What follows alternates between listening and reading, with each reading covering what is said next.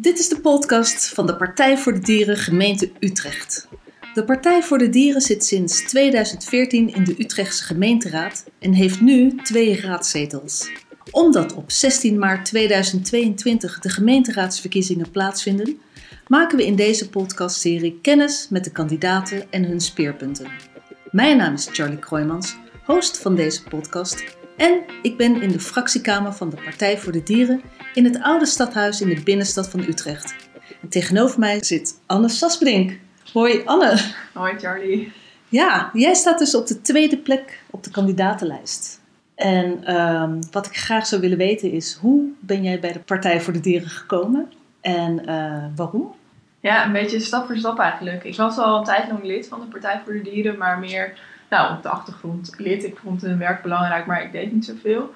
Uh, ik woonde toen in Groningen en ik werkte daar uh, bij de universiteit. Ik was een cultuurwetenschapper. Dat heb ik gestudeerd, ben ik verplicht nog steeds. Maar dat was toen ook mijn werk.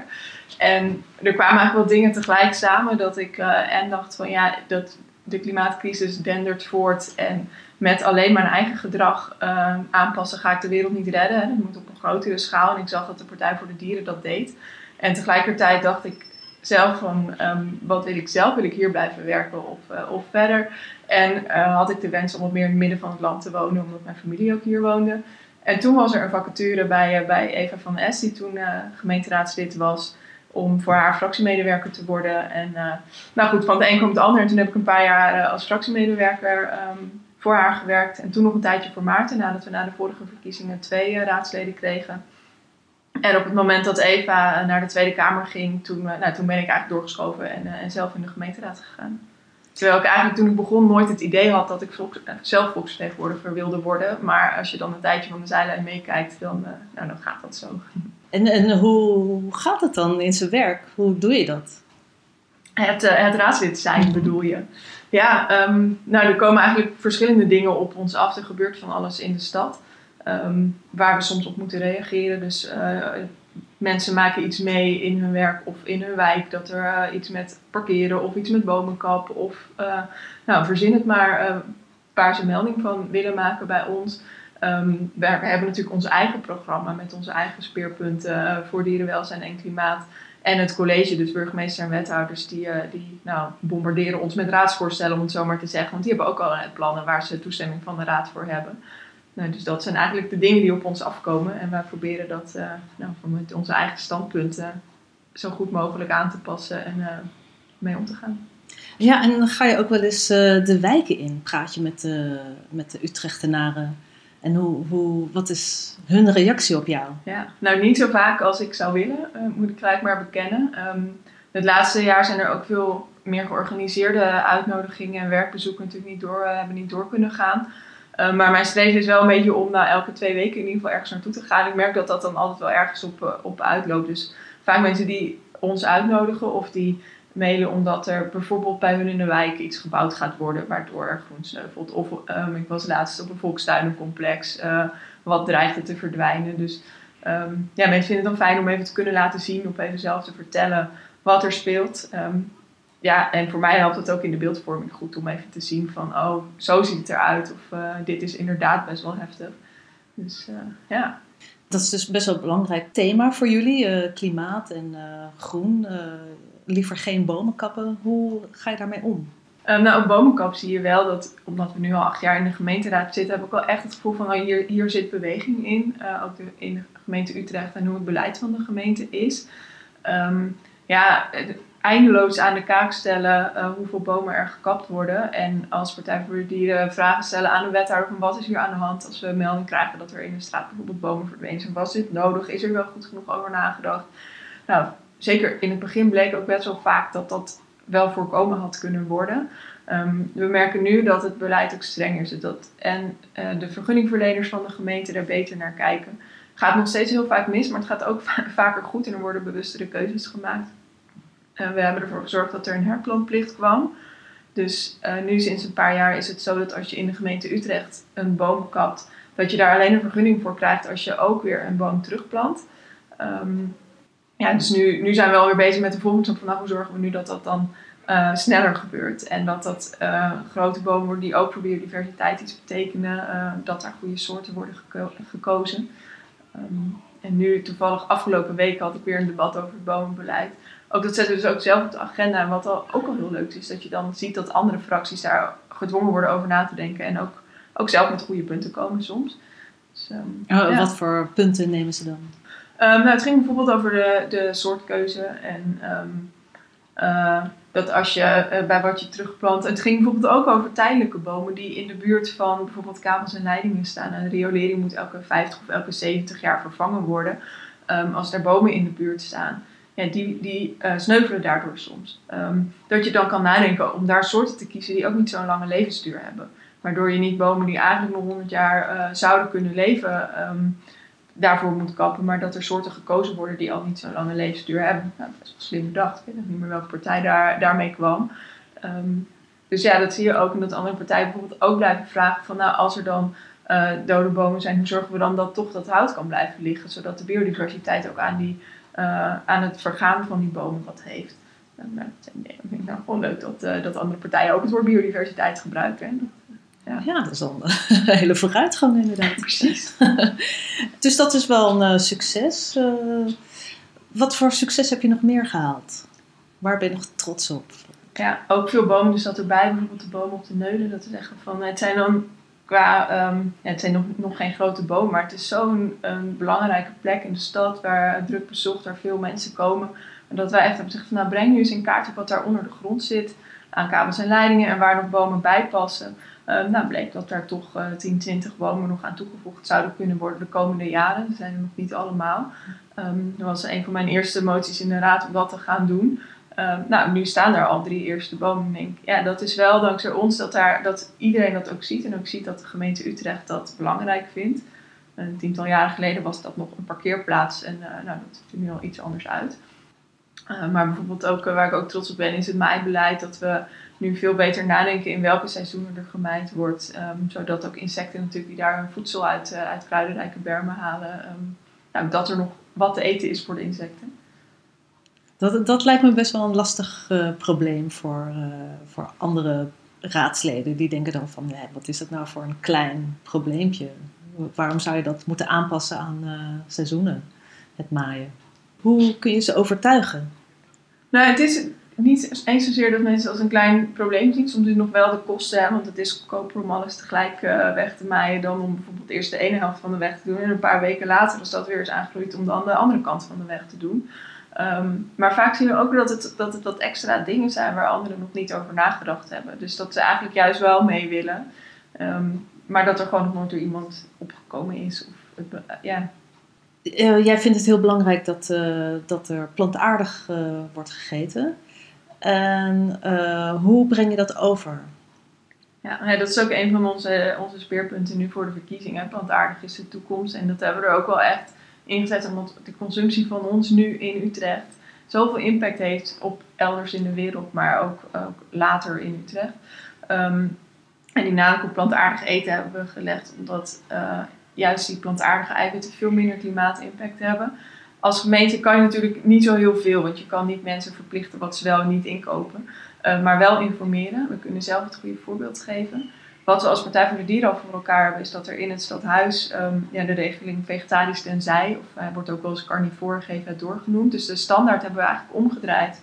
Dat als mensen niet hun wensen doorgeven voor de catering, dat ze dan een vegetarisch menu krijgen. Um, en als ze per se vlees willen, dan kunnen ze dat doorgeven. Dat gebeurt ook wel, maar toch daardoor wordt er wel veel minder um, dierlijke producten geconsumeerd. Um, waar we mee bezig zijn is te kijken, kunnen we nu reclames uit de openbare ruimte weren voor bijvoorbeeld ongezond eten? kunnen we fastfoodketens ergens in onze ruimte beplannen? Dus kun je in bestemmingsplannen misschien regels stellen wat voor soort horeca welkom is en wat niet. ja, dus op die manier kan je als gemeente toch wel een beetje uh, sturen in de consumptie van mensen. Ja, heel goed. En, uh, maar wat mij opvalt de laatste tijd is dat, uh, dat er heel veel bijvoorbeeld vleesvervangers en uh, kaasvervangers zijn. Is dat een goede ontwikkeling? Ik denk dat dat wel een goede ontwikkeling is, omdat dat een alternatief is voor die dierlijke producten die zoveel klimaatimpact hebben. Ik vind het ook wel, een, een paar jaar geleden was het, als, was het super moeilijk om bijvoorbeeld veganistische vervangers te vinden voor, nou, voor eigenlijk alles.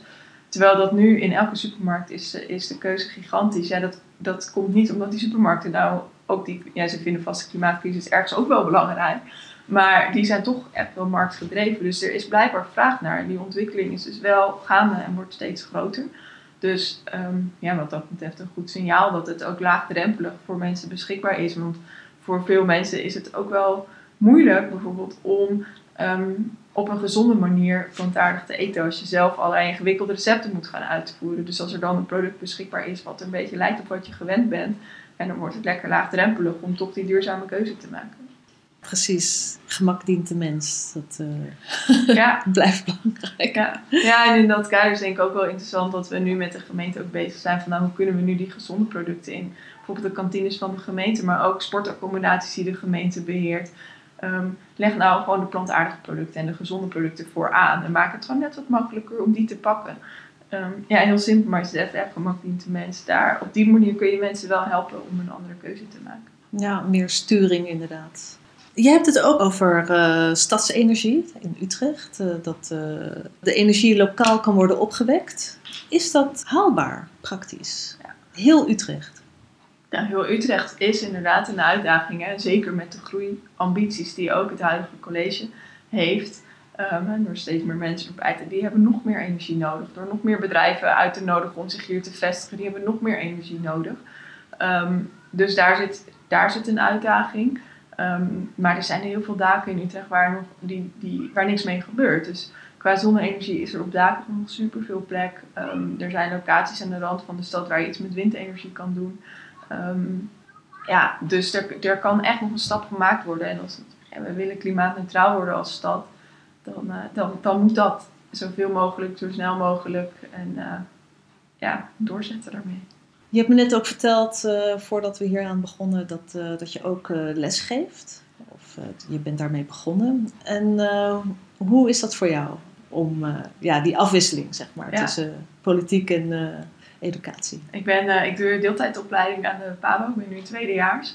Dus ik geef af en toe wel les, maar het is wel echt nog, nog als stage. Dus ik ben erg aan het ontdekken van, het past het bij mij? In welke groep vind ik dan leuk?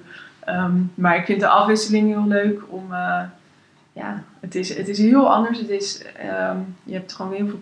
In de politiek gaat alles vrij langzaam. Uh, je, je, komt met een idee en voordat je dat door de raad hebt en dat het dan daadwerkelijk in de praktijk van de stad is, dan ja, de beloning van je werk laat even op zich wachten. Um, terwijl kinderen reageren direct en je ziet gewoon direct als je een som uitlegt of het, of het kwartje valt of niet. Um, en ik vind het super leuk om erachter te proberen te komen en waarom dat kwartje dan nog niet valt en wat ik dan daar nog aan kan doen. Um, dat is een heel ander soort, uh, ander soort dynamiek. Um, en tegelijk denk ik ook wel dat het onderwijs, ja, er komen zoveel verschillende. Iedereen is op school, terwijl ik hier natuurlijk best wel in een bubbel, uh, in een Partij voor de Dierenbubbel zit. Um, dus het is ook gewoon heel leuk om al die verschillende mensen bijvoorbeeld uh, te zien en wat, wat daar speelt. En wat kindonderwijs ook heel leuk vindt om te doen, is juist die maatschappelijke thema's erin brengen. Dus uh, met kinderen naar het jeugdjournaal kijken en dan eens in gesprek over wat vind je van de plastic soep of hoe zien we dat in onze eigen wijk. Um, of naar aanleiding van een item is in gesprek van nou, wat kunnen we doen, wat kunnen we doen met onze wijk of, hoe is dat bij jou thuis. Dus, um, en het inleven in kinderen in andere landen bijvoorbeeld naar aanleiding van zo'n item. Dus dat, dat maakt het ook heel interessant om, om daar met kinderen over te kunnen praten ja, je maakt kinderen nu al bewust van wat er gebeurt in de wereld en uh, ja, milieukwesties. En uh, dat het gewoon heel belangrijk is. Ja, ja dus Dat, dat was in deze groep 7, in groep 7 heel leuk. Ja, ook, en nu, zit, nu loop ik stage in de beeld en dat is een heel ander type mensen dan vorig jaar mijn stage in, in de wijk Overvecht. Tot slot, kun je mij de speerpunten samenvatten waar je voor gaat staan? voor mij zijn in ieder geval het speerpunt naar meer groen in de stad. Hoe gaan we zorgen dat er minder bomen gekapt worden? Want al die bomen hebben we en voor behoud van de biodiversiteit, hoeveel dieren daar voedsel of schuilplaats in vinden, super hard nodig. Maar ook om en CO2 op te vangen uh, met de houtmassa van bomen. En, nou, en de klimaatverandering die gaande is, um, die ook niet meer te stoppen is. Uh, ja, hoe bomen zorgen dat we het meer koelte vasthouden in de stad dat we meer water vasthouden in de stad. Dus die hebben we allemaal super hard nodig. Nou, ik wil in ieder geval de komende vier jaar weer doorgaan met zorgen dat we bomen in Utrecht nog beter beschermen. Dat daar ehm, nog strengere regels op komen, maar ook gewoon beter toezicht. Want we horen ook zo vaak dat er gekapt is of dat er op bouwplaatsen bomen beschadigd worden. Um, wat gewoon niet, niet toegestaan was of niet, uh, niet nodig was geweest. Um, of dat er uh, hele stukken grond alvast, dat noemen we dan bouwrijp maken, dat er alvast even lekker makkelijk voor een ontwikkelaar alles, uh, alles kaal gemaakt wordt woonwijk neergezet en dan weer nieuwe bomen bij. Ja, dat soort dingen die wil ik gewoon echt niet meer zien. Dus dat, uh, dat blijft een aandachtspunt.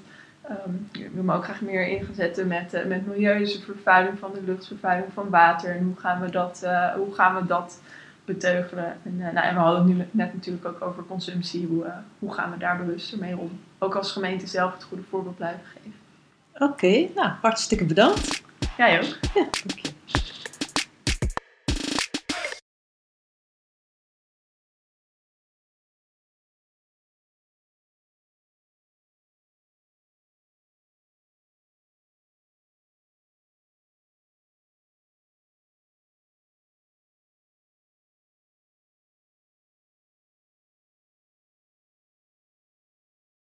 in het kader van duurzaamheid.